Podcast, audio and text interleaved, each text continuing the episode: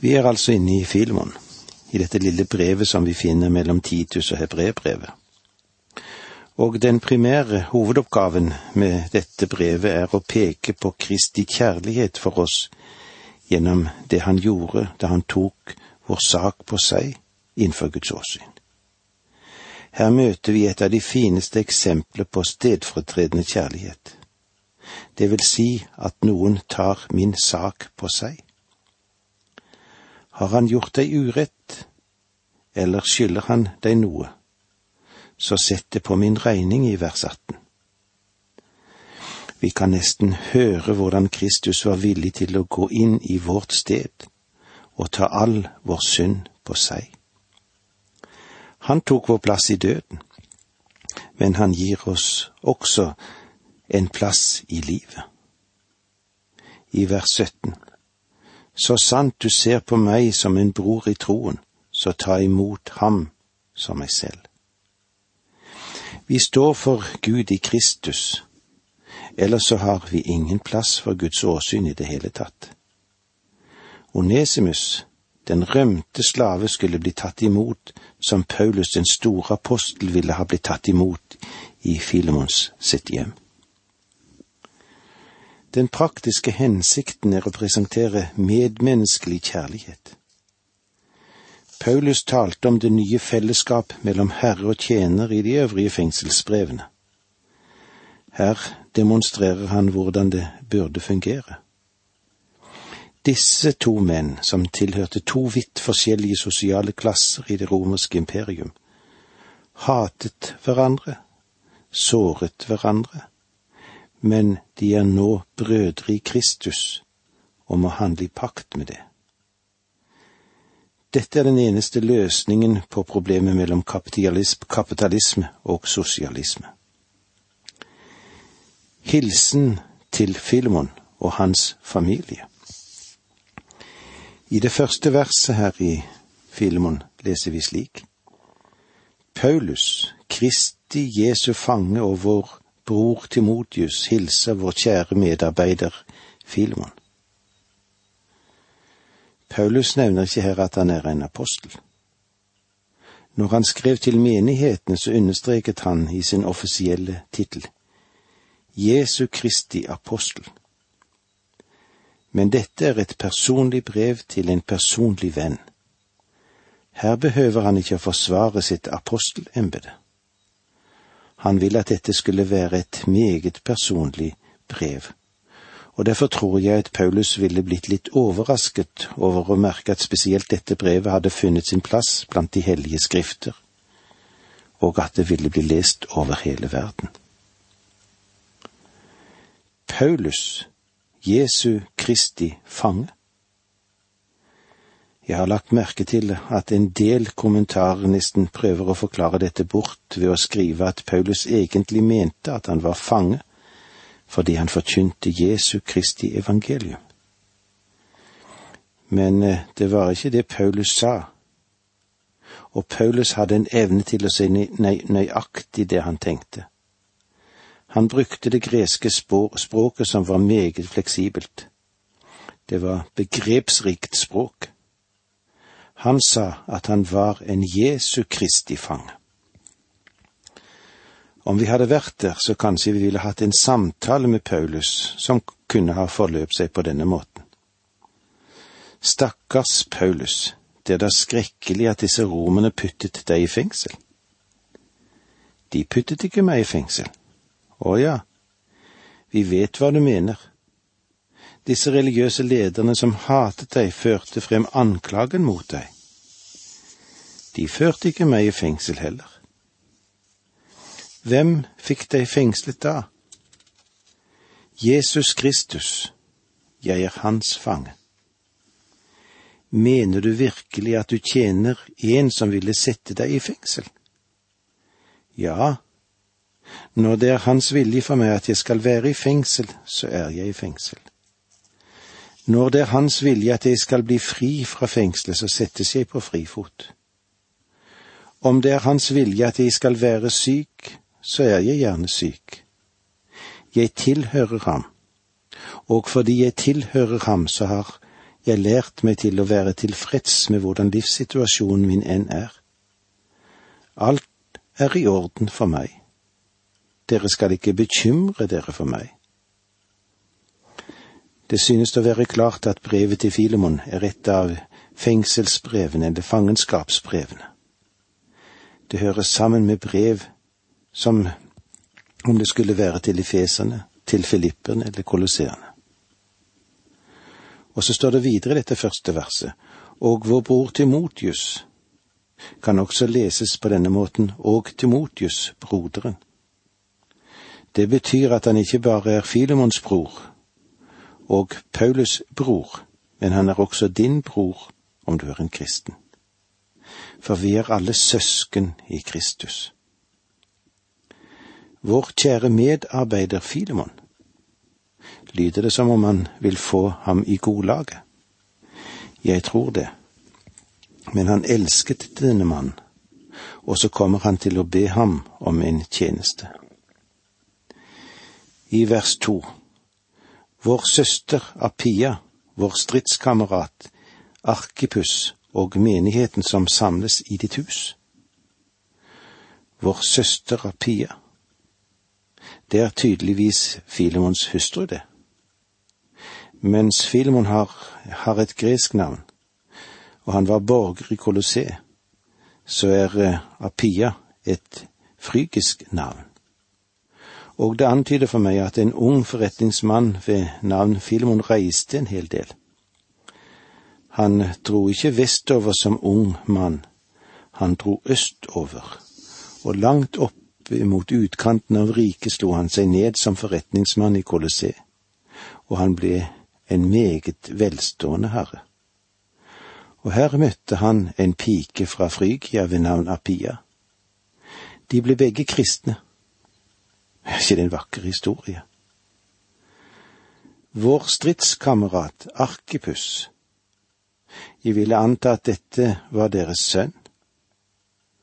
Han er ikke en soldat i den romerske armé, men han er stridende i Jesu Kristi hær.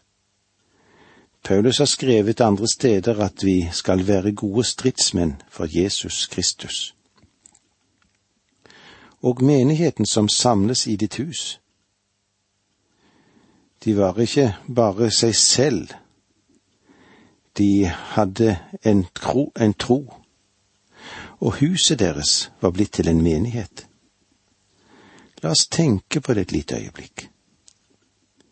Av og til blir våre kirkebygninger så viktige at vi overbetoner dem med tanke på hvilken målsetting den lokale menighet skal ha. Den lokale menighet på Paulus sin tid møttes ikke i en særlig avsatt bygning til det formålet i sentrum. De hadde ingen kirkebygninger. Det ruvet de store templene det var så for de hedenske gudene, men den første menighet, den hadde ingen bygninger. Hvor møttes de? de møttes i hjemmene. Og det er antydet at de første 200 år av kirkens år var hjemmene det sentrale sted hvor de kunne møtes, de troende. De første store katedralene var faktisk ikke ment egentlig som møteplasser. Westminster Abbey i England for eksempel ble egentlig ikke bygget for offentlige gudstjenester. Den ble bygget i korsform som et monument til Jesus Kristus. Selv om jeg tror at selve ideen var feil, i stedet for å bruke alle disse rikdommene på en katedral, så kunne de ha sendt ut mange misjonærer.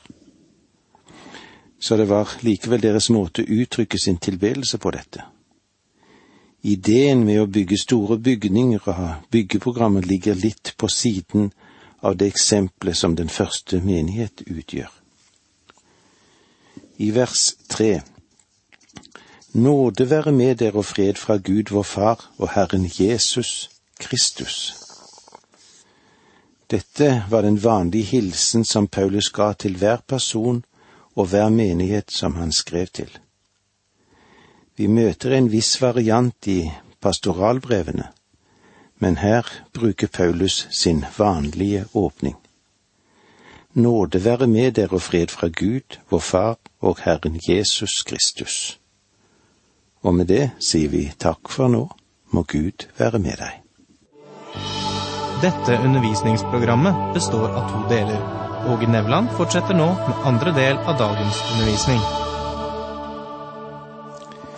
Vi er inne i Filemon sitt lille brev, og det vi vil stoppe opp for litt nå, er Filemons gode rykte. I vers fire står det slik, Jeg takker alltid Gud når jeg nevner deg i mine bønner. Her har vi altså en mann som Paulus ba for. Hvis du noensinne skriver opp de personer som Paulus ba for, så pass på at du får med Filemon på den listen. Tanken, at, eh, tanken er at eh, hver gang Filemons navn blir nevnt, ba Paulus for ham. Og det antyder at Filemon må ha vært en ganske fremstående person.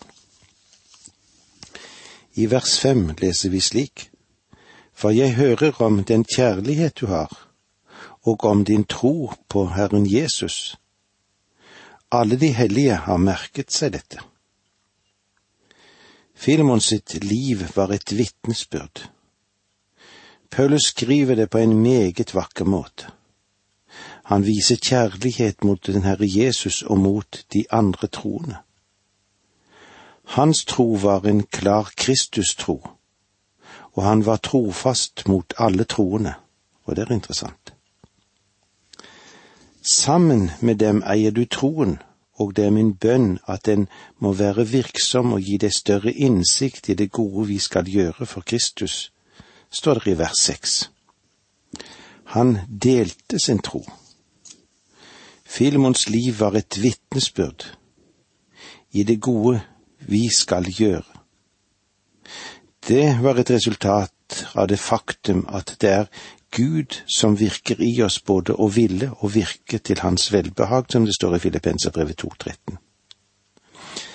I vers 7 her i Filemon leser vi Det har vært til stor glede og oppmuntring for meg å høre om din kjærlighet, kjære bror, og de hellige har kjent seg styrket. Paulus kjente stor glede og stor trøst ved den kjærlighet som Filemon hadde for ham, og ikke bare for ham, men for de andre troende. Det er mange vidunderlige kristne over hele landet vårt, og jeg har anledning til å møte mange av de. Og jeg har også fått gleden av å bo i manges hjem og ha fellesskap med dem. Det har vært noen av de største gledene i livet, det, i min tjeneste. Filemon må ha vært en slik kar som ville ha huset med evangelister innenfor vegghusets vegger, og andre besøkende venner i sitt hjem. Han må ha vært en makeløs personlighet. Nå går vi videre, vi skal se litt om bønn, om nåde for Onesimus.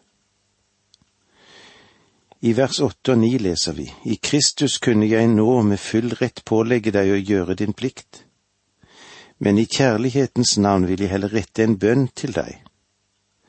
Som gammel mann, og nå også som Kristi Jesu fange, vil jeg, Paulus, Paulus går altså i forbønn for Onesimus.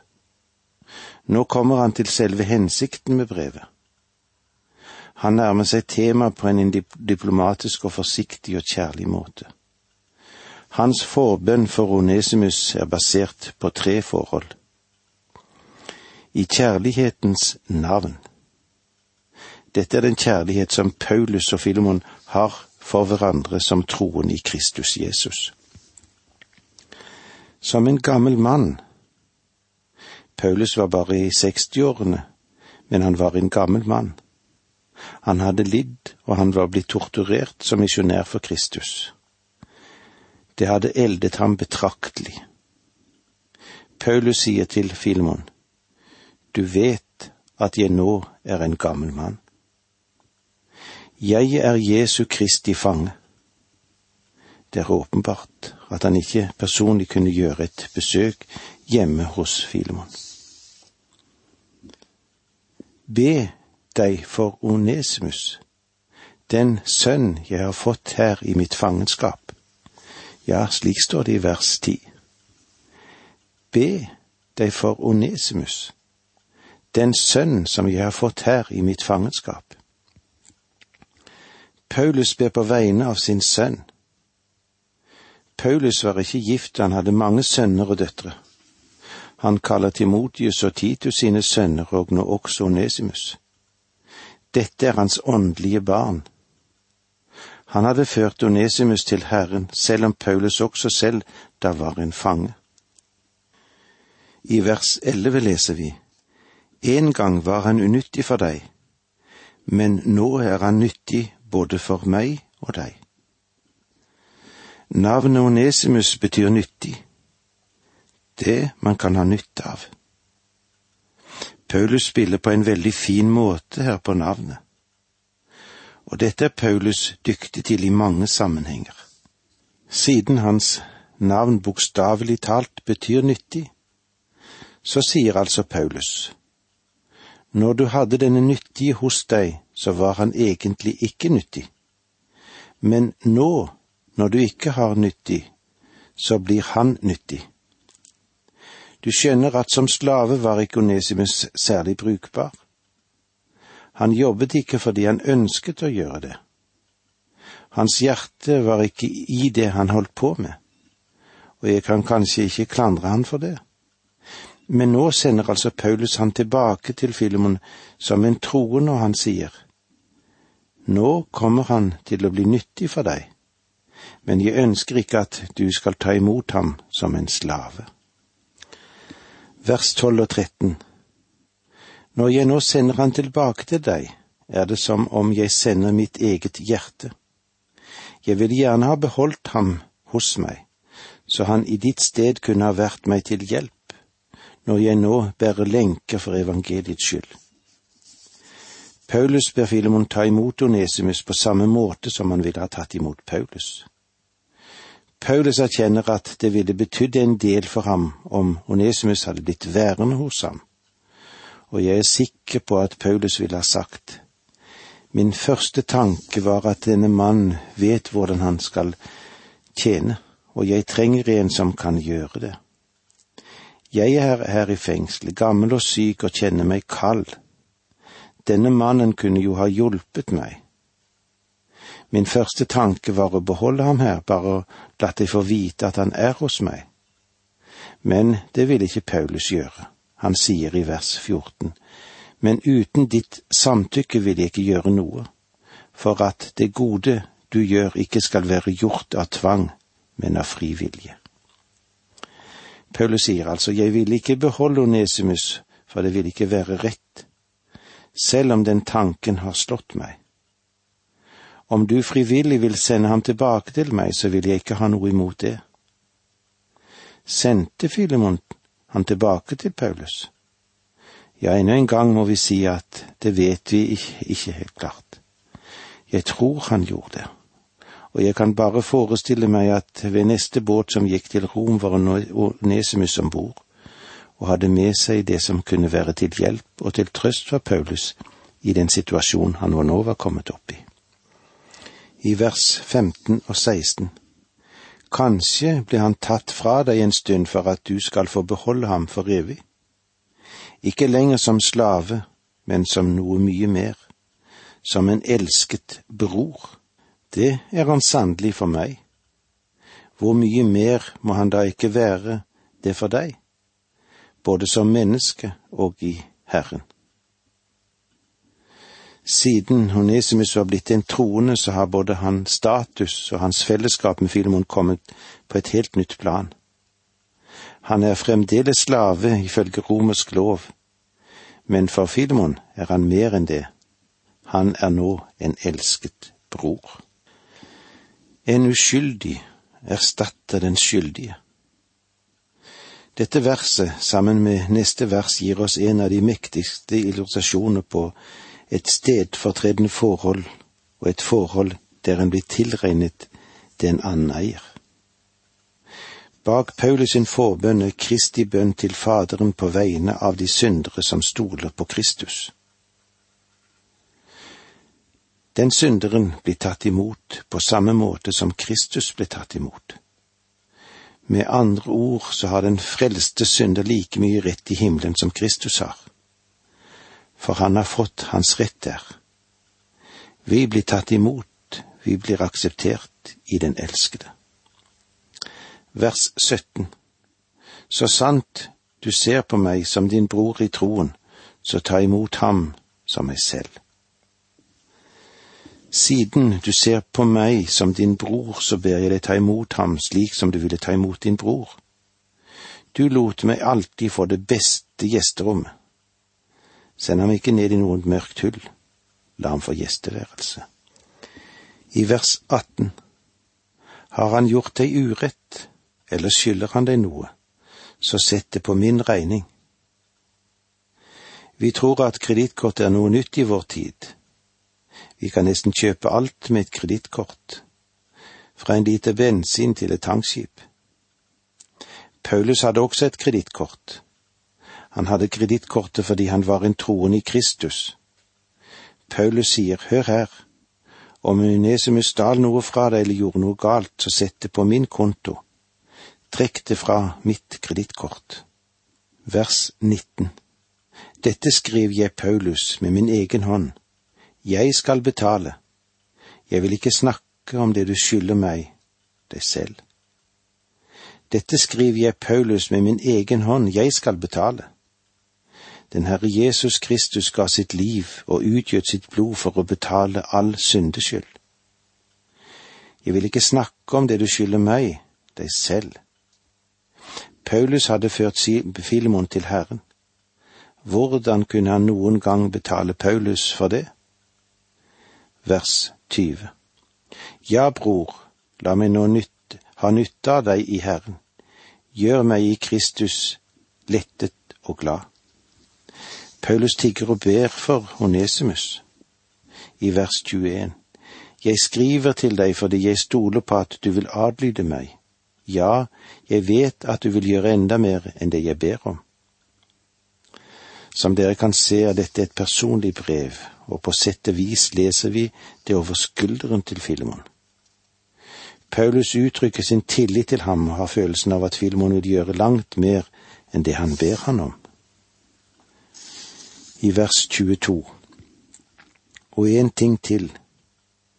Vær forberedt på å ta imot meg som din gjest, for jeg håper at dere gjennom forbønn skal få meg tilbake igjen. Paulus hadde et visst håp om å bli sluppet fri fra fengselet, og han ber om forbønn i den sammenheng. Siden dette brevet antagelig ble skrevet under Paulus sin første internering i Rom, så ble han faktisk løslatt, og kanskje han besøkte Filemon personlig. Det vet vi ikke, men han avslutter brevet med Vår Herre Jesu Kristi nåde være med deres ånd. Det er en personlig hilsen fra og til gode venner. Og så Gud være med deg.